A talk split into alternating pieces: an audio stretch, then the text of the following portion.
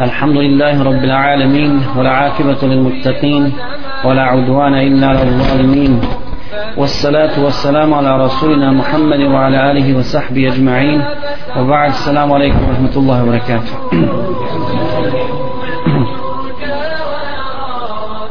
Nakon zahvali Allahu Đelešanuhu i salavata na Rasula sallallahu alaihi wa sallam draga braćo i cijenjene sestre ovi koji ste zadovoljni Allahom kao gospodarom i Islamom kao vjerom i Muhammedom sallallahu alaihi ve sellem kao poslanikom i našim uzorom i putovođom do sudnjega dana. Meni je neizvjerna čast da večeras govorimo o Resulu sallallahu alaihi ve sellem o Allahovom posljednjem poslaniku našem putovođi imamu i čovjeku za koji se sigurno zna da sunce nije obasjalo e, boljeg i dražeg Allahu Đalešanuhu roba. Niti se rodio čovjek bolji i bogobojazniji od Muhammeda sallallahu alaihi wa sallam. Dakle uzet ćemo neke pouke iz sire Rasula sallallahu alaihi wa sallam e, jer je zaista sira Allahovog poslanika svjetlo za nas muslimane i baklja koja osvjetljava e, naš dunjalučki put put svakog muslimana i svake muslimanke. I to je put onoga koji želi Allahovo zadovoljstvo i Allahovu nagradu. I mi znamo da je Allah Đelešanuhu iznad sedam nebesa potvrdio potvrdio uh, Muhammedu sallallahu alaihi ve sellem dobrotu i njegove, i njegove vrline i svaki dio njegov, njegovog života za nas podsjeća na Allaha Đalešanuhu, na gospodara svjetova i učvršće u našem srcu iman i vjerovanje. To je sira s kojom su živjeli prve generacije, s kojom su živjeli ashabi e, i time punili svoja srca i na taj način jačali, jačali svoj iman. I zaista je sira ono što je najviše ostalo traga, ostavilo traga na ashabe, na ashabe i na tabijine i, one, i sve ostale generacije sve ostale generacije muslimana. Kad god jedna generacija muslimana ode dođe druga generacija i čime se hrani? Šta je duhovna hrana? Ono ona čemu je bio Allahov poslanik Muhammed sallallahu alaihi ve sellem njegova sira. Zbog toga su ashabi bili spremni potaknuti time potaknuti njegovim životom njegovom poslaničkom misijom njegovom ulogom i veličinom njegove ličnosti bili su spremni da daju svoje živote za njega želeći Allahu zadovoljstvo. Dakle da, da e, i metak daju sve ono što je od njih traži jer su znali da govori istinu i da se bori, bori samo za istinu. Dakle ta sira se prenosi iz generacije u generaciju i ona je naš put i naše, naše svjetlo. E, i Allah Đalešanuhu je uzdigao svog poslanika Muhammeda sallallahu alaihi sallam i počastio ga i na njega visoko spomen uzdigao samo ovaj trenutak dakle sve ono ćemo govoriti ima veze s nama s našim životom i sa svakom drugom generacijom. Vidjet ćete vallahi kad razmišljamo o siri poslanika sa sam ne samo da je čitamo i da se divimo određenim bit uh, hrabrosti ashaba poslanika sa njegove mudrosti ne to ne, ne samo to nego da izvučemo pouku i da to uporedimo s našim stanjem. I vidjet ćete da se mnogi momenti ili većina tih momenata iz njegovog života sallallahu alaihi sallam može prenijeti kao da je to u našem vaktu kao da se to s nama, s nama zbiva. Jer njegov, njegova sira je živa i sad. Jer kuranski ajde Allah će mu kaže? Ja ayuha alladhina amanu tuqaddimu bayna yaday Allahi wa rasulihi wattaqullah inna Allah wattaqullah inna Allah basirun bima ta'malun. Kaže Allah dželle o vjernici e, ne stavljajte dakle ne stavljajte svoje riječi ispred riječi poslanika sallallahu alejhi ve sellem ne, ne suprostavljajte se njemu ne suprotstavljajte, ne suprostavljajte se njegovom sunnetu. Pa neki kažu e to je bilo dok je bio poslanik sa sam živ. Ne. On je živ i sad. Njegov sunnet je živ. I sve ono što je on radio što je govorio što je čutnjom odobrio kompletan njegov sunnet njegov život je za nas živ. I ostaće tako do sudnjeg dana. I mi se ni u jednom dijelu ne smijemo suprostaviti poslanikovom sunnetu e, zato ono što se najljepše i najbolje može spomenuti na kraju ovog našeg druženja jesu neki detalji iz života poslanika Muhammeda sallallahu alaihi ve sellem jer su u njegovim primjerima velike pouke za nas, za nas sviju. Ne samo za daje, a svi smo na neki način, na neki način daje, nego poslanik sallallahu alejhi ve sellem je ostavio pouku i poruku za nas sviju. Bio ti daija, bio ti profesor, bio inženjer, bio obični, obični radnik, ti ćeš u siri prepoznati, prepoznati sebe u siri Resula sam prepozna, prepoznaćeš sebe. Zato ćemo večera spomenuti nekoliko momenata iz njegovog života da bi uporedili to sa našim stanjem i da bi izvukli pouku i ibret iz toga kako bi hrabrije, jače, snažnije i onaj e, mudrije i pametnije kročili ovom, ovom dunjaluskom stazom i kako bi što bolje pozivali u Allahu vjeru. Prvo, trenutak njegovog života kada ga je Allah odabrao, odabrao za poslanika. Ovo je vrlo važan trenutak. Kada mu Allah Đelešanuhu objavljuje uputu i izvodi ga iz, iz neznanja u znanje i na seratul mustaqim. I njega je njegov život na taj način čini historijom. Najuzvišenijom i najboljom istorijom. Život poslanika sallallahu alejhi ve sellem. Do tada poslanik sallallahu alaihi sallam je bio pošten. Je bio iskren jes bio poznat po tome. Ali da nije dobio objavu ne bi, ne bi ga istorija spominjala uopšte. Ili bi ga možda spomenula kao što su spomenuli, kao što su spomenuti oni ljudi koji su bili od Dinul Hanifa koji su, koji su onaj bili čiste vjere ali nisu pozivali nisu, oni su bili salihi dobri ljudi ali nisu bili muslihi. Nisu bili oni koji popravljaju stanje. Jesi ti dobar? Od takvih dobrih ljudi, samo, samo dobar za sebe, pošten, iskren, e, pametan, mudar i tako dalje, ali samo za sebe, nikog drugog ne remeti, ni se ne poduzima da, da se promijeni stanje, nikog neće za bol glava. Da si najpametniji, ti nikom ne smetaš. Nikom. I svi ćete zvat El Emin, kako se zvali poslanika sa sebe. Povjelni pa ne. Ali, kada ti hoćeš tu svoju dobrotu i istinu koju nosiš, da pretočiš u djelo, da postaneš, da to tvoje djelo bude revolucija, da izvedeš revoluciju, pa dakle da, da istina pobjedi i kada iziđeš tom istinom među ljude, među, preci, među državnike, među političare, među običan narod i kažeš to što treba da kažeš, tada se ljudi dižu. Tada je uzbuna. Tada je uzbuna. A dok si ti samo dobar onako i pošten fin, nikom ti ne smije. Svi ćete hvaliti svi ćete va. Dakle, to je jedan vrlo važan moment. Dakle, šta kad kažemo, kad kažemo da ga Allah ono izveo, izveo iz neznanja u znanje, to ne znači da je Resul sallallahu alaihi ve sellem neuzubillah bio u zabludi. Ne, da je on bio, da je on bio u zabludi kao što su bili ostali džahili predislamski, odnosno mušici, ne, nego Allah je za njega kaže وَوَجَدَكَ ضَالًا فَهَدَ Bio si u zabludi pa te Allah uputio. U kakvoj zabludi? Allah ga je uputio risali, objavio mu poslanstvo, objavio mu, objavio mu Kur'an i uzdigao na taj način njegov, njegov, spomen, njegov spomen među ljudima. Dakle, to je trenutak kada mu silazi Džibril sa prvom objavom, sa prvim ajetima koji su, koji su se duboko dojmili poslanika sallallahu alaihi ve sellem i tada su ti ajeti osvijetili njegovo srce i usmjerili njegov pogled i njegovo srce i njegov kompletan život tom stazom. Tada se mijenja kompletan njegov život. Tada tom prvom objavom se mijenja kompletan njegov život. A ta objava kad Allah nam kaže vađeleke dalnan fahada i bio si u zabudi pa smo te mi uputili uporedite s našim životom. Uporedite s našim životom kad je čovjek u zabudi kad je u džehlu, kad je u neznanju kad je u... makar posjedao neke kvalitete ovamo ne vidi, ne vidi ništa Eh, kad Allah uputi, novi život počinje. Preokret. Wallahi preokret, veliki.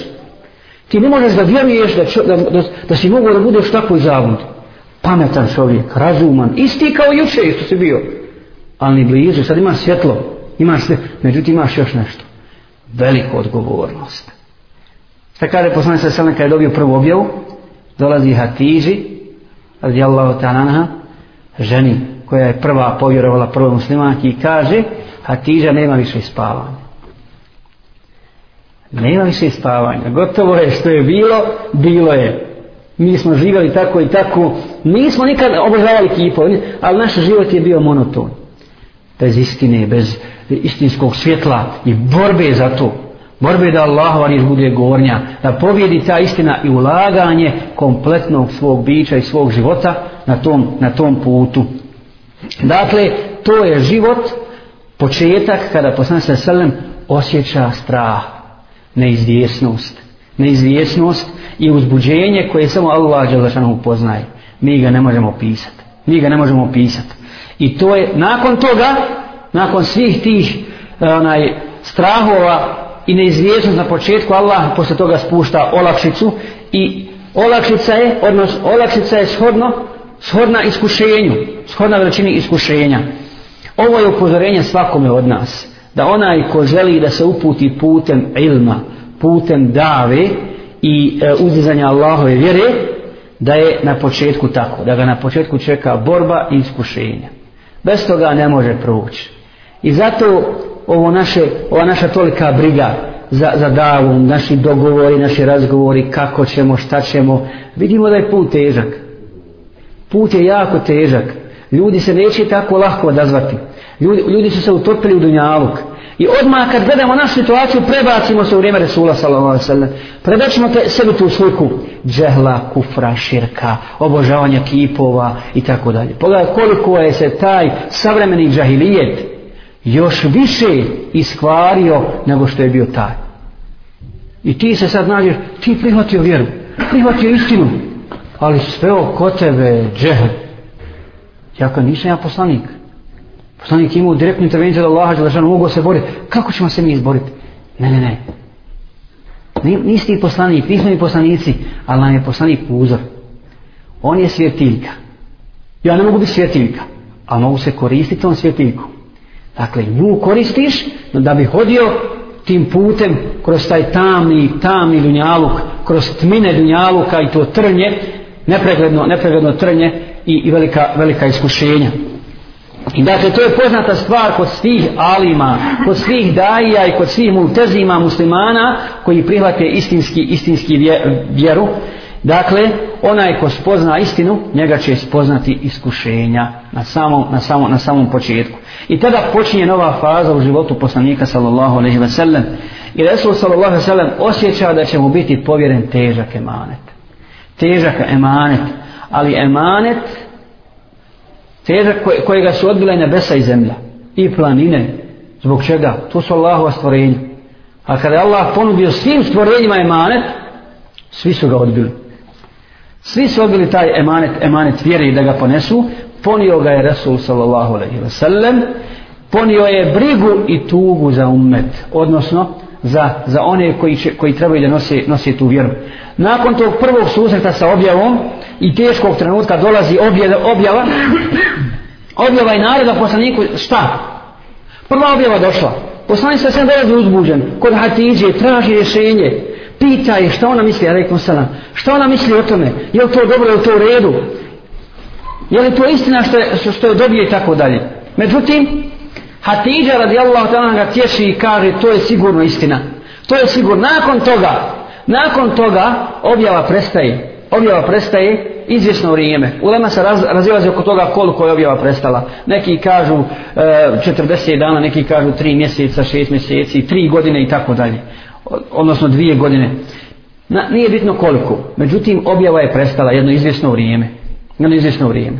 Nakon toga, poslanik salova, i nije tačno ona predaja, Nije tačno ona predaja da je poslanik sa čak u toku toga kad je prestala kad je prestala objava da je on da je on razmišljao o tome da je da je odlazio čak na jedno brdo gore da da je mu tjeskoba došla u prsa razmišljao o tome da skoči sa jedne velike stijene i tako dalje. To nema veze veze sa istinom. Dakle Allah dželle nakon toga nakon tog iskušenja ako prije objave objavljuje poslaniku ja ejuhal mudafir, kum anzir wa thiyabaka fatahhir Dakle, o ti pokriveni, ustani, ustani i opominji. Dakle, trenutak prvi kad on dobija objavu. Kad njemu Allah osvetljava prsa istinom, ali nije samo to. Njegova se duša smirila kasnije kad mu Džibril dolazi, on vidi da Allah poslanik. On je to osjetio. Ne samo on, nego vide ljudi koji su prihvatali vjeru. Ali sad dolazi novi, novo iskušenje. Ustani i opomeni.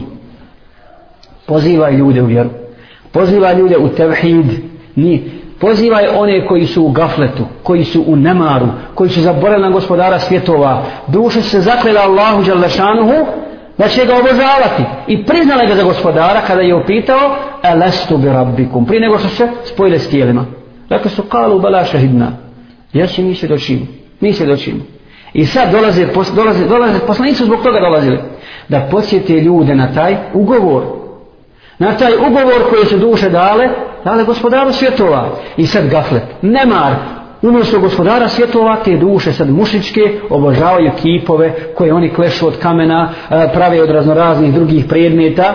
Tako da se spominje jedan, jedan ashab spominje kada je mi smo čak pravili kipove od halve na, i lijepo ga izvajali gore i bili smo jednom putovanju i obladili smo i polje smo ga polje, polje smo ga dakle, ali to, to je opa, opasna zabluda ali čovjek se srozo čovjek se srozo na, ta, čovjek se srozo na taj nivou pao na taj nivou. I pogledaj sad, taj gaflet tih ljudi uporedimo sa, današnjim, sa gafletom i nemarom prema Allahu ovih današnjih ljudi.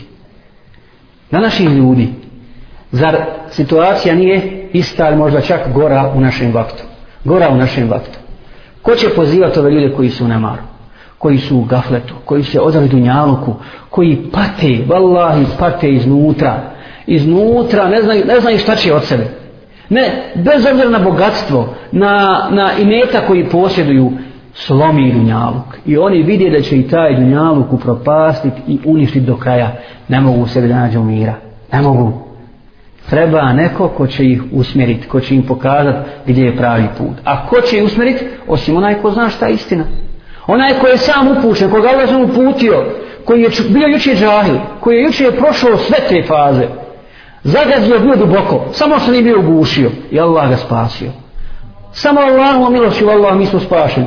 Ne našom sposobnošću, sposobnošću, našom mudrošću, našom pametovanjem. E mi smo sposobni bili pa smo se mi iščupali iz toga. Ne, ne, ne. Nego Allah te uputio. Što baš, što baš tebe, Allah je to zna. I zato zahvaljujem Allah lečano zbog toga. Dakle, Allah tebe uputio i dužan si dužan si sada da one koji su u gafletu, koji su u nemaru, da ih pozivaš kao što je pozivao poslanik sallallahu alaihi ve sellem. I spomenut ćemo prvi trenutak i prvi kontakt poslanika sallallahu alaihi ve sellem sa u, u davi. Njegov život prvi, da, šta je radio? Resul sallallahu alaihi ve spominjali smo taj slučaj, stao je na safu. Stao je na safu sam. Sam je izišao.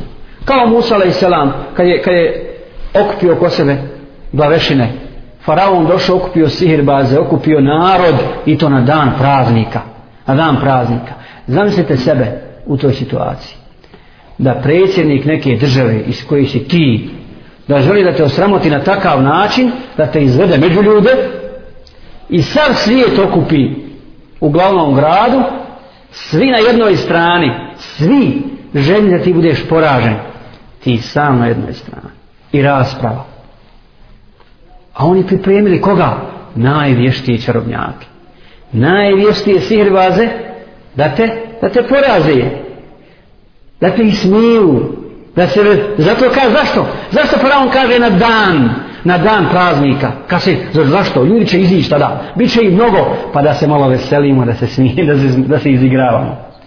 I biva faraon izigran. Pa ja, Musa, ali i sram čvrst, čvrst, postojan, tako isto Resul sallam, sam izlazi na saf i kaže ljudi, kulu la ilaha illallah, recite la ilaha illallah. Re, I tada izlazi ko? Najveći, najveći nesrećnik između, između Kurejšija, izlazi i kaže, tebben lek, ali hada džemata. Teško tebi ili proklet bio, zar se nas zbog ovoga iskupio najveći nesrećnik tog naroda, Ebu Leheb i to njegov, njegov Amidža. Njegov, I ovo, odali uzmite pouku. Ko se diže protiv poslanika sresen sen? Ebu Leheb se obradovao u njegovom rođenju. Kad je rođen, čak ima jedna predaja koja kaže učenje da je daif. Da je se toliko obradovao kad je se on rodio. Siroče. Da je se obradovao Ebu Leheb kao njegov, njegov Amidža. Najviše od svih Amidža. Kada će, da, će, da će imati jedan dan, jedan dan u džehennemu zbog toga kad će mu se ublažiti, ublažiti kaznu kad ćemo se ublažiti zbog radosti zbog radosti zbog radosti međutim taj hadis je dajiv hadis je dajiv znači da će zbog radosti što se rodio Muhammed alaih Međutim, kad nije, nije potvrđen taj hadis. I Poslije toga, poslanik sallallahu alaihi ve sellem upozorava ih najljepšim riječima. Međutim, niko se ne odaziva. Ali šta se zbiva nakon toga, kaže Urve ibn Zubeir, vezano za ovaj događaj, i za ono što će posle toga doći nakon deset godina, kaže, vallahi, nema ni jednog čovjeka koji ustane u ime Allaha Đelešanuhu i pozove narod svoj i pozove ljude i bude ponižavan zbog toga, a da ga Allah Đelešanuhu neće uzdići. A da ga Allah Đelešanuhu neće uzdići. Nema ni jednog čovjeka koji iskreno u ime Allaha, želeći samo da, da pobjedi Allaha vjera, poziva i bude ponižavan, a bit će ponižavan, neminovno. A da ga Allah Đelešanuhu neće uzdići i da mu neće dati pobjedu Ovaj trenutak je dokaz tome. Dokaz tome. Rasul sallallahu alejhi ve sellem ustaje na početku risale da bi nakon toga, nakon deset godina, na istom mjestu gdje je prije deset godina sam ustao i govorio recite la ilaha illallah, sad okupio 120.000 ljudi 102 i prvo što je izgovorio poslanik sallallahu alejhi ve sellem kad je došao na safu koje su bile riječi bile su kad je poslanik sa selem ugledao taj svijet, muslimane, ashabe koji su došli da obavi hađ, šta je rekao? Allahu akbar. Allahu akbar. Veliča gospodara svjetova i kaže Anas ibn Malik, Anas ibn, kaže, Wallahi, ja sam pogledao besno od sebe, kad je vidio sam svijet dok po, pogled opire. Poklo, zaklopio, pogledao sam lijevo isto tako zaklopili horizont, naprijed isto tako. Dakle, ne vidiš tamo više pustinju od, od, od, silnog, od silnog svijeta, is, ispred sebe. I kaže poslanik sa sallam, la ilaha illa Allahu wahda, hvala Allahu želešanu jedinom. Kome zahvaljuju? I reku, vidite, ja sam zaslužan za ovo, ja sam vas izveo na pravi put, da mene Allah nije, nego hvala Allahu jedinom. Nasara abde, koji je pomogao svoga roba. وَهَزَمَ الْأَحْزَابَ وَحْدَ i koji je pobjedio mušičke skupine sam. Sam je Allah وَعَزَّ جُنْدَ i dao ponos njegovoj vojsci, Allah, Allahovoj vojsci. Dakle, to su bile riječi koje je poslanik sa sredom putio tada, ta riječi dovi. Na osnovu, dakle, ovoga razumijemo kada uputa nađe mjesta u srca ljudi, tvojim sebebom, kada Allah da da se srca otvore, tada te ne može niko poraziti. Tada te ne može, tada se vidi Allah, očita Allahova pomoć i podrška, podrška takvim ljudima. Dakle, Resul sallallahu alaihi ve sellem je utjerivan u laž, a Allah Đalešanuhu je htio da se potvrdi njegova iskrenost. Na početku. Zatim, e, ponižavali su ga, Allah ga počašćava. Allah mu daje počast. Zatim, vrijeđali su ga i omalovažavali, ali Allah je sam htio da on, bude, da on bude ponosan. To su nekoliko povuka iz ovog događaja. Drugi događaj. To je bio početak davi i njegov susret s ljudima i kako je završeno sve to. Da Bog pobežemo s našim, s našim stanjem. Drugi događaj. Izišao je Resul sallallahu alaihi ve sellem na mejdan dave, međutim, među svoj narod, međutim nisu prestajale uvrede. Nakon toga, kad su probali sve, ide druga faza uvreda. A šta je to? I borbe? Borbe protiv njega? To je psihološki rat. Psihološki rat, pogledajte, uporedimo ponovo i ovo sa našom situacijom. Psihološki rat, šta to znači? Izmišljaju, pa kažu, ovo je očiti sihirbaz. Ovo je vraćar, on je epileptičar, on je lažov, on je ovakav, on je on izmišljaju. Izmišljaju laži, psihološki rad, kako to kod naroda izazove? Izazove, izazove uzbunu. I ljudi ti više ne slušaju, propaganda, propaganda se vrši. Ovo su vehabije, ovo su ovakvi, ovo su onakvi, oni mijenjaju vjeru, oni ovo, oni ono, oni hoće da nam unište nešto, nešto hoće da unište ono. I šta ćeš ti onda? Narod to čuje. Kako su poslani, kako su znali si za Muhammeda s.a.v. Dolaze najbolji ljudi, najveći pjesnici, najveći intelektualci dolaze u Meku i kad, kad ih setnu Ebu Džehl i ostala, ostala banda mušička, kaže, nemoj dole ići, nemoj njega slušati, on će ti raditi to, to, to, on je sihrbaz, on može to da učini. Nemoj ga slušati. I taj najpametniji čovjek šta radi? Stavlja pamuk u uši da ga ne čuje. Stavlja pamuka u uši da ne čuje poslanika sa sebe. Pa kasnije skonta kaj vidi jesam budala. Ko mene nagovara da je ja poznat po inteligenciji nekakvoj, šta fali da ga saslušam? Pa ako bude istina, treba da je prihvatim ja prvi. Ja, mene smatraju pametnim. Ako bude laž, lahko ću ja to otkriti. Vidjet ću, pametan sam. Dakle, do takvog su stepena dovodili, dovodili onaj. Čak i onda kad je poslanik sa sve pokazuje mu džizu. Vjerovat ćemo ti, hajde nam raspelovi mjesec. Kaže poslanik sa hoćete li sigurno vjerovati? Kaže, sigurno ćemo ti vjerovati. Poslanik sa moli Allaha i mjesec se raspolutio. Mjesec se raspolutio. Jedna očna polutka na jedno brdo, druga na drugu tamo. Kaže Abu Džahal, ovo je očiti sihr. Ovo je očiti sihr. A idite, pošaljite ljude, pošaljite ljude u pustinju, pitajte ih šta su oni vidjeli. Vidjet ćete da oni to nisu vidjeli. Kad su otišli, otišli tamo, po, što jeste isto primijetili čudno, kad jesmo vallahi, vidjeli smo se mjesec raspolutio na dva dijela. Vratili se, kad i oni su isto to vidjeli, kad i njih je opsihrio. I njih je opsihrio. Dakle, psihološki rat koji djeluje na ljude, djeluje ta propaganda, e zato ne smijemo nasjedati na te stvari. Ne smijemo, dakle, o, izvučemo pouku, pouku iz ovoga. Dakle, to je upozorenje svima nama, svakom, svakom vjerniku da je početak dave gorak, ali je kraj sladak. Ali je kraj sladak. Moraš gutat brda, moraš gutat uvrede, priče, propagandu, to moraš. Ne smiješ ti reagovat kako ovaj drugi reaguje, koji ga ti zove džahil. Ne smiješ Allah. On tebe vrijeđa i ti njega vrijeđaš. to uspjeh u davi, to, to je dobar potez. Ne, ne, ne, ne. Ti njemu priđeš na najljepši način. Zato što ti je dužnost da mu tako priđeš. Dužnost, jer ti, to je Allahova vjera. Nije to moja, nije to, nije to naše vlasništvo. Allah je samo objavio istinu, objavio islam i zadovoljen je, zadovoljen je samo sa islamom. Sa potpunim islamom sa fardovima, sunnetima, mustahabima i svi onim što, što je on objavio preko svog poslanika Muhammeda sallallahu alaihi sallam. To je jedna stvar. A druga, a druga stvar, druga stvar, onaj, znači se na isti, na, znači se na isti način suprostaviti tim ljudima koji ne znaju, a ti znaš.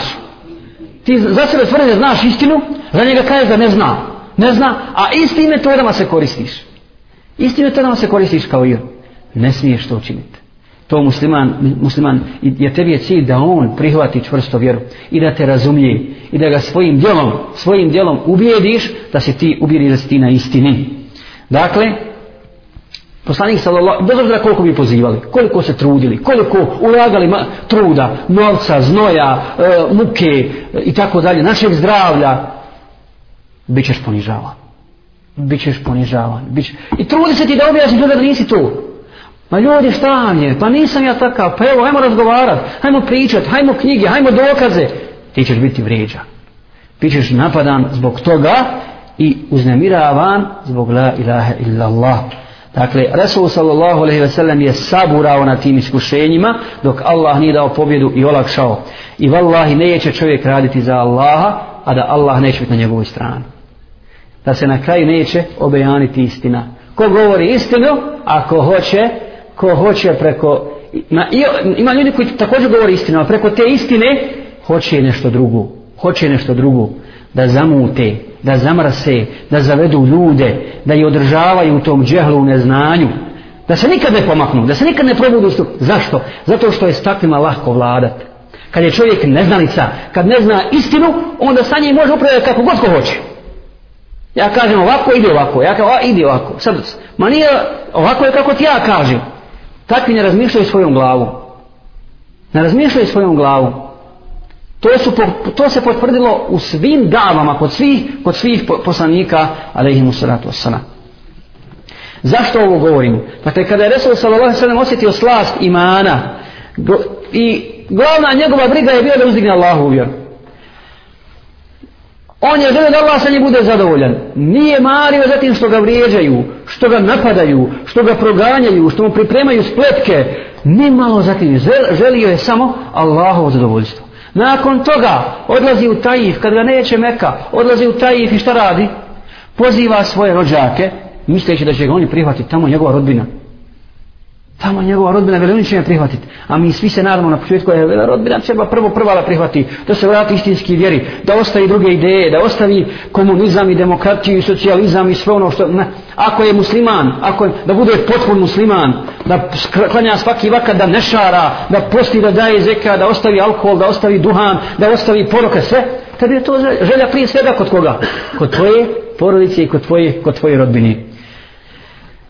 Dakle, tražio je šta da kažu La ilaha illallah Muhammad Rasulullah. Pa je prišao čovjek, jedan od njegovih bliž, bližih rođaka i rekao pred svijetom, zar Allah nije imao nikog drugog da pošalje kao poslanika osim tebe?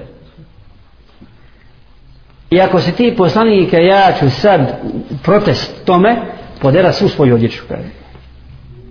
I onda je nagovorio svjetinu, posebno djecu malomnu, da ga gađaju, da ga tuku, da ga biju, i kamenje je padalo po njemu i potekla je njegova krv u bare krv Rasula sallallahu alaihi wasallam i dolazi pod jedno stablo umoran, skrhan. Allah mu šalje Džibrila kao olakšanje njegovog druga u, u, u poslaničkoj misiji saputnika njegovog Džibrila da, mu, da, mu, da ga obavijesti da ako hoće da Allah će kazniti taj narod. Kaznit će ga, sravnit će sa zemljom to mjesto kao što je sravnio sa zemljom mjesto gdje je živio Lutov narod gdje je živio Nuhov narod i ostali, ostali kjafiri mušici. Međutim šta kaže poslani sa sallam gospodaru meni ovo ne smeta. Nema smetnije zbog ovog vrijeđanja. Nema smetnije zbog ove krvi koja teče. Ako si ti sa mnom zadovoljan. Ako si ti sa mnom zadovoljan nema. Ako ti nisi zadovoljan s ovim onda ti ih kazni. Ti ih kazni. Ali zbog mene nemoj, nemoj zbog ne kažnjava. Nego ja želim da Allah Đelešanu iz njihovih kičmi izvede potomstvo koje će obožavati Allah Đelešanu. To je bio cilj poslaniku sa sebe. Nije cilj samo da ti dokaže da ti znaš istinu. Ne, cilj ti je da svi ljudi idu istinu. Da svi ljudi idu u tom stazom da se spasi džehennema, jer onaj ko ne bude istinski slijedio poslanika sallallahu alejhi zna se šta mu je pripremljeno. A dakle što tiče njegove ličnosti, njegovi napada na njegovu ličnost, To zatim nije mario. Dakle, to je dokaz da je iskušenje po stepenu čega? Po stepenu ljubavi. Iskušenja na dunjalku u vjeri su po stepenu ljubavi. Koga je Allah najviše volio? Muhammeda sallallahu alaihi nema sumnji. Nema sumnje da su njegova iskušenja bila najveća. Dakle, i treba da znaš da ćeš proći iskušenja na osnovu tvoje ljubavi prema Allahu i obrnuto koliko ti voliš Allah, Allah toliko tebe voli. I toliko ćeš imati iskušenja. A kad ne budeš imao nikakve iskušenja, zapitaj se šta je s tvojim imanom. Gdje si to ti? Jesi to ti iznimka u Allahovom stvaranju? Sve generacije prošle kroz iskušenja, a ti, maša Allah, bez iskušenja činiš davu. I svi te prihvataju. Svi te prihvataju. Znači nešto s tobom nije u redu. Nakon toga Allah ga je počastio čime? Kad je doživio najveća iskušenja. Kad su ga svi odbili čime ga Allah počašćava? Mirađom. Mirađom. Prije toga dakle doživio je strašnu, strašnu tugu. I ta godina se zove godina, godina tugi. Umro mu Jamiđa Ebu Talib. Nije nikad primio islam. Umro kao mušik. Ali ga štitio. Štitio, bio ugledan. Kad imaš nekog uglednog čovjeka u svojoj zajednici, u društvu, svog rođaka, koji te, koji te ne slijedi, ali te brani. Ne smijete niko napast. Znaju oni ko je Abu Talib. On će kom, sa, komplet pleme Kurejiš, odnosno Hašimoviće, ako mu samo nešto, nešto falidne, ako falidne dlaka Muhammeda s.a.v. glave, sve će on pokrenuti, pokrenut će rad protiv njih. A on mušik koji oni, vidi kako oni znaju tu politiku. Znaju to i čekaju samo da on završi. Samo da skonča Abu Talib. Kad je on umro, njima bilo drago, Ebu Džehal došao da ga ubjeđuje, nemoj, nemoj izgovori šehadet, poslan se plaći, izgovori šehadet, samo reci la ilaha illallah, i umro je na, djer, na vjeri svojih pradjedova. Umro, eh, tada je njima se duša smirila. Šta sad radi? Kada je poslani sa selem, vallahi, nisu me kurejšije počele zlostavljati dok nije umro Ebu Talib. Ono, naj, najgore, na najgori mogući način. Dok je on bio živ, nisu to, nisu to smili uraditi. Umre mi njegova žena Hatidža, najveća potpora njegova od ljudi, najveća podrška Podršku mu dala na samom startu, na, na samom početku. I povećala se iskušenja. Rekli bi, rekli bi se čovjek došlo do zida, nema dalje. Allah Đelešanomu tada svog poslanika uzdiže i pre, pre, prevodi ga iz Mesidul Haramu, Mesidul Aksa u jednoj noći, a odatle do Sidratul Muntaha, sedmog neba. Do sedmog neba. Dakle, gdje je poslanik sallallahu alaihi wa sallam vidio velika, velika znamenja svoga gospodara. Allah Đelešanu ga počašćava mirađom.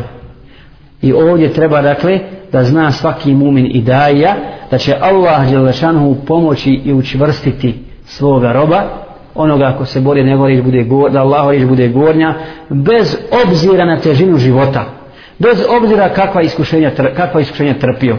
I tu Resul sallallahu alaihi ve sellem doživljava preporod.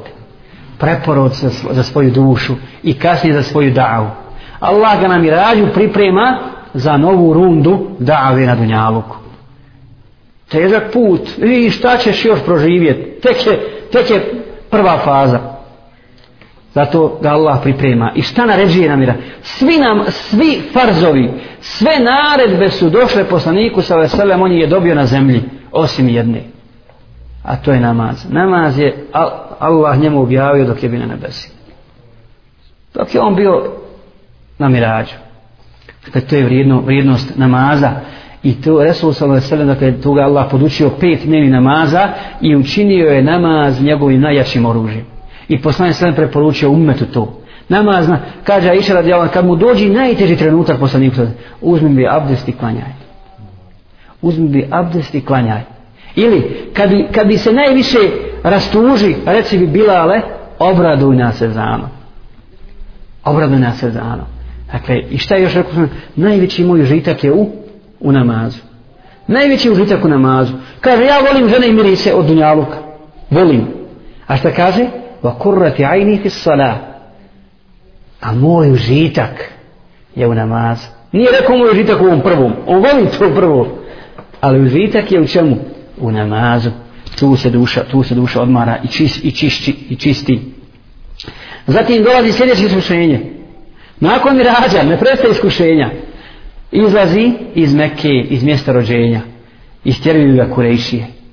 Allah je htio dakle da ga iskuša ovakvim iskušenjem. Mjesto gdje se najbolje osjeću. Rođen tu, tu mu i metak, tu mu porodica, sve mu tu. Međutim, doživljava iskušenje i protjeruju ga, protjeruju ga. Dakle, sakriva se u pećinu. Neprijatelji dolaze, traže ga, gone ga, gone ga i došli pred pećinu. I također hadis koji se spominje predaja koja se spominje vezana za, za onu e, za goluba koji je sagradio gnjezdo i za paukovu mrežu taj hadis kaže šeha, šeha Albani kada je to daif hadis? U stvari ne daif nego maudu izmišljen hadis. Kaj kako će to biti muđiza? Kaj to je dokaz da je to muđiza bila.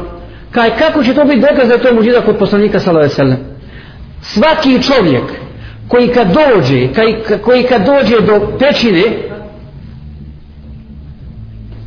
koji kad dođe do pećine i ugleda paučinu i gnjezdo, neće niko ući normalno. Vidi svoga tamo nema ništa. Ne, nije to muđiza, nego muđiza je da nema ništa na pećini, a oni ne vide njega. To je muđiza od Allaha Đelešanu. Dakle, ne vide poslanika sa selema, bili su pred njegovim, pred njegovim nogama. Dakle, tako da ga nisu, nisu mogli vidjeti njega i njegovog druga. Zato kaže poslanik sa u Bekru, šta misliš kad je on plakao zbog iskušenja koje će snaći poslanika, nije se brinuo o sebi puno, nego o poslaniku, šta će biti sa njim, e šta misliš o dvojici s kojima je Allah treći? Nije rekao poslanik sa selema, šta misliš o poslaniku i njegovom drugu? Ja sam poslanik, ne Allah čuva, ne. Šta misliš o dvojici s kojima je Allah treći? Dakle, kad god se nađu dvojica muslimana, pogledaj koliko je ovo ibreti pouka za nas. Dvojica muslimana, ne samo poslanik je Bubekr, dvojica istinskih muslimana se nađu u takvom iskušenju, Allah je s njima. Allah, a šta misliš trojici, a šta misliš o džematu, o džematu muslimana koji se bori da Allah reč bude gornja. Wallahi će Allah pomoći. Nema u to, u to nema nikakve sumnje. I poslanik se napušta Meku kako? Napušta Meku noću bježi, bježi, a vraća se u Meku u sred dana, povjedonosno, povjedonosno sa svojom, sa svojom vojskom. Dakle, izišao je ponižen, a vraća se, a vraća se počešćen. Zatim, poslanik sa sredem dolazi u Medinu. Našao je plodno tlo za davu. Medina. A jesu prestala iskušenja? Jesu prestala iskušenja? Ne, ne, ne, ne, ne. Dakle, tada Allah Želešanohu ponovo stavlja svoga poslanika na velika iskušenja. Čak je bio, čak je bila napadnuta njegova čast u Medini. Njegova od, od strane židova i munafika. Kako? Potvorili su njegovu ženu. Kad više nisu znali šta će, Hidžu učinio, protjerali ga, opljačkali, opljačkali mu i metak, ne znaju kako se bori protiv njega. I onda iskoristili priliku putovanja Aiše sa, sa Safvanom, dalo im je povoda da oklevetaju i da potvore Aišu. Ako potvori Aišu na takav način, ne uzubila kao da je zinalog počinila, potvorio poslanika, poslanika u porodicu.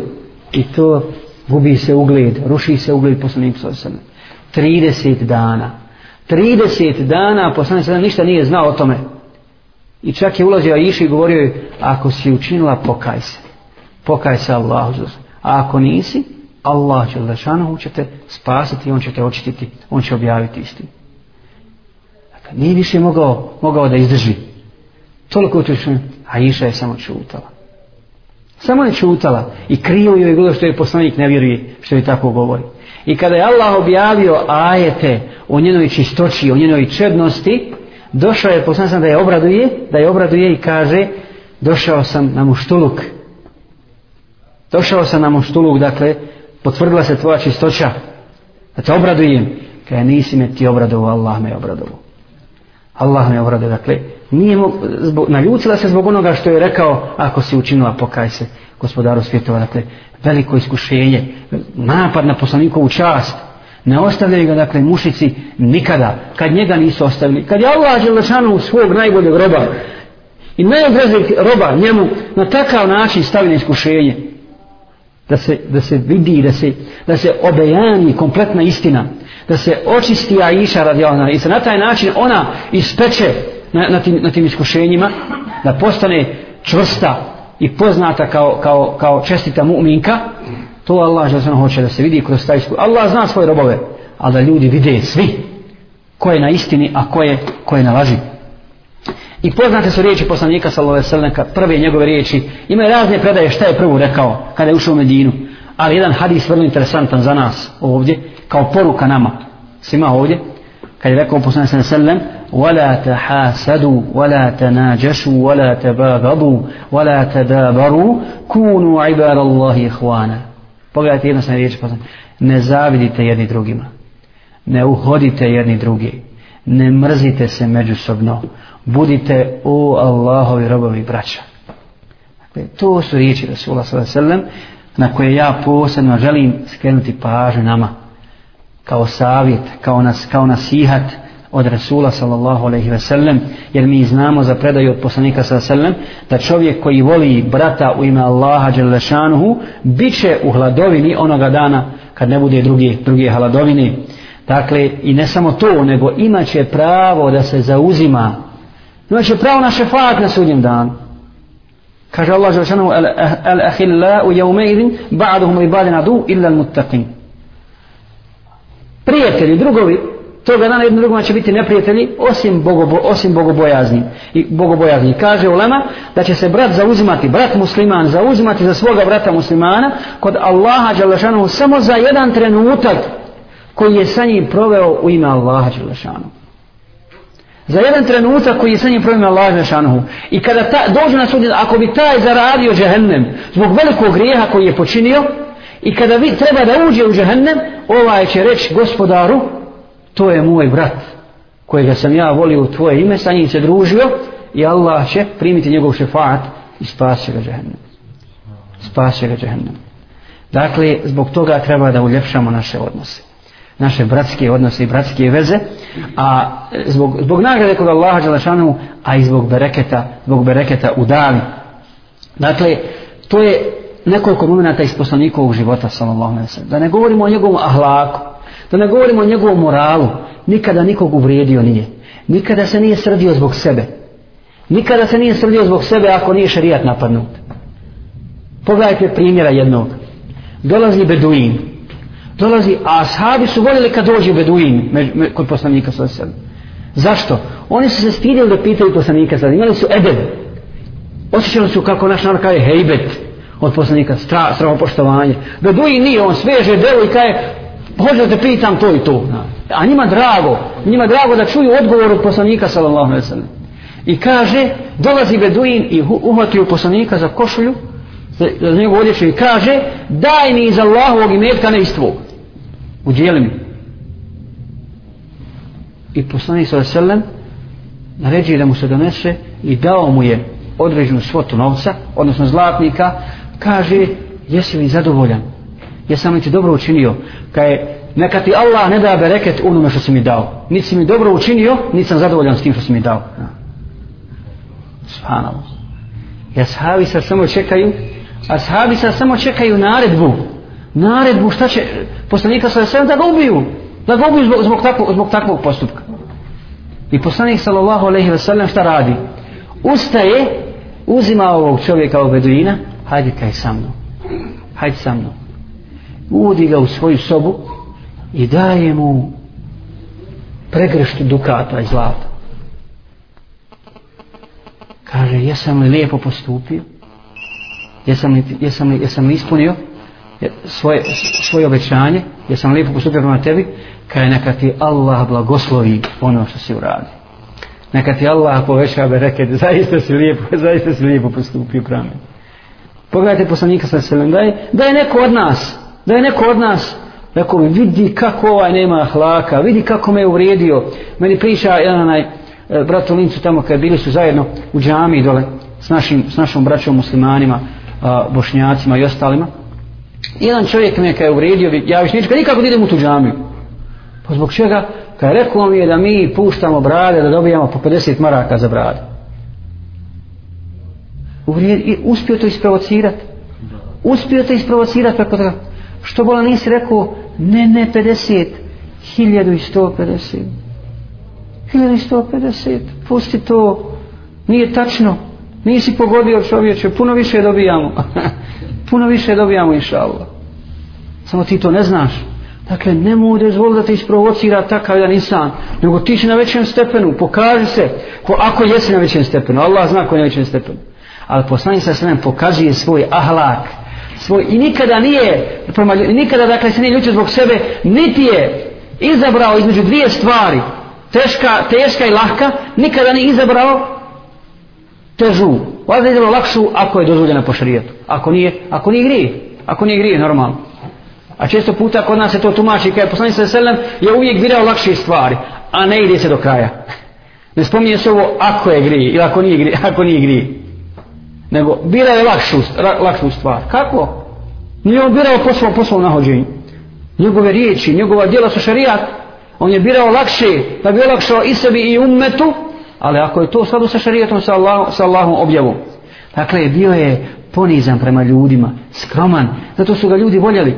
Zato su ga ljudi voljeli. Abdullah ibn Salam, kada je ga je vidio, vidio, kada se pojavio poslanik sallallahu alejhi ve je kada svi su ljudi govorili pojavio se poslanik, to što novi poslanik, on židov? Kad idem ja da ga vidim. Wallahi, kad čim su nam se oči srele, znao sam da on nije lažao. Znao sam da nije lažao čim sam ga vidio. Nema druge. I prihvata Allah ibn Selam, prihvata, prihvata Islam. Ili njegov odgoj i postupak sa ljudima. Pogledajte kako nas sunet sve Allah uči. Uči u svakom trenutku. Kako se...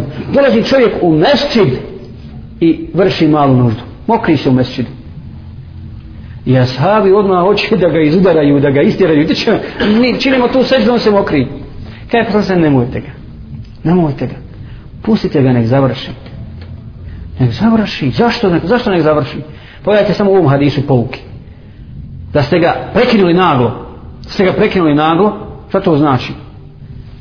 Poprsko bi svoje, svoje tijelo. Bio bi prljav. Jer mokraća je nečista. nečista. Jer odmah fikski propis. Odmah jedan fikski pro, uči poslanik sa sallam fiku, fiku ashab. Zatim edebu, kako će postupati s čovjekom koji je primio islama, ne zna ništa o islamu.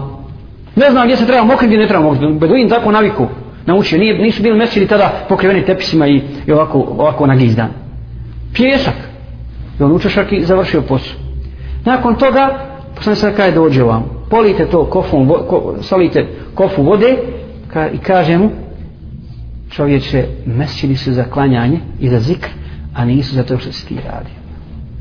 Pa kad je vidio kako je poslanik sa selem pri, pristupio njemu i kako mu je, lije, kako mu je lijepo prišao, ka šta kaže? Gospodaru, oprosti meni, smiluj se meni i Muhammedu, ali samo nemoj više nikom, nemoj, nemoj mi ostalima.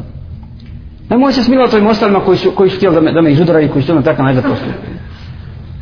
Dakle, dakle, to je postupak poslanika sallallahu alaihi ve sellem u svakoj situaciji. I pored toga, dakle, bio je samilostan, samilostan, blag i strpljiv. Posebno, posebno je priča njegov odnos prema ženama. Mi znamo kako se poslanik ponosi, odnosi prema ženama. I kaže, najbolji od vas onaj koji je najbolji prema svojim ženama. Dokaz da je poslanik zaista da, da žena zaista ima veliku ulogu u islamu. Kaže poslanik sa, zar nije poslanik sa selem rođen u krilu žene? I zar nije umro u krilu žene? Umro u krilu svoje žene, a iše radijela. Da dakle, ona kod tebe zauzma mjesto i kao majka, i kao supruga, i kao kćerka, i kao sestra i moraš joj dati njeno mjesto. A posebno, posebno kao suprug. Zatim, kao, kao muđahid, kao borac. Kao borac je bio neustrašiv, ko lav. I ne bilježi se ni jedna predaja, niti je može ko prenijeti da je nekada poslanik sam pokazao strah u borbi. U najtežim trenucima kad se svi razbježi, svi lavovi islama poput Omera, poput Tebu Bekra i Alije sa dvosjeklim mačom, kad pobjegnu od njega, on sam ostaje. On sam ostaje prema neprijatelju svojim prsima i svojom, svojom sabljom. Dakle, neustraši je bio, bio u borbi. Kao hatib, postoje mnoge predaje da je bio žestok dok je držao hudbu. Lice bi mu pocrveni, počne posao na hudbi, jer hudba je bereket. U hudbi je bereket. Zato je poslanik sve naučio hatibe sve do sudnjeg dana kako će držati govore. Govor koji je iz srca, koji je pun imana, da postakne ljude, jer džumma je, džumma je praznik za muslimane, veliki dan. Tada se što više posjeća čovjek na zikr, na gospodara svjetova, e, zahvaljuje Allahu na svom islamu, na imanu i tako, i tako dalje. Zatim, njegov ibadet na koji bi ja posebno želio da ste pažnju, braću, ibadet poslanika sallallahu alaihi ve sellem ne smijemo nikad zaboraviti on nas je naučio kako se ibadet čini pa znamo da je učio na jednom rekiatu suru Bekare suru Ali Imran suru e, An-Nisa tri sure četiri džuza odnosno pet džuzeva je učio samo na jednom rekiatu. Samo na jednom rekiatu. Toliko isto se zadržao na ruku. Kad se vrati s rukua zadrži bi se isto toliko na kijamu. Na sveždi bi se zadrži isto toliko koliko je mogao proučiti 5-6 džuzeva. To je oko 2 sata. 2 do 3 sata. Jer poslani se ne učio brzo ko mi što učimo svaka riječ svako slovo se moglo pratiti i, i brojati kako je učio Kur'an pa zamislite samo jedan rekat pa dva rekata na fili koliko ste rekao poslanika sam sam a oprošteni mu i prvi i posljednji grijesi. Svi mu grijesi oprošteni. I kad ga Aisha pita zašto tako ja, zašto ti otiču noge u ibad, zbog čega tu, zar da ne budem zahvalan rob Allahu Đelešanu.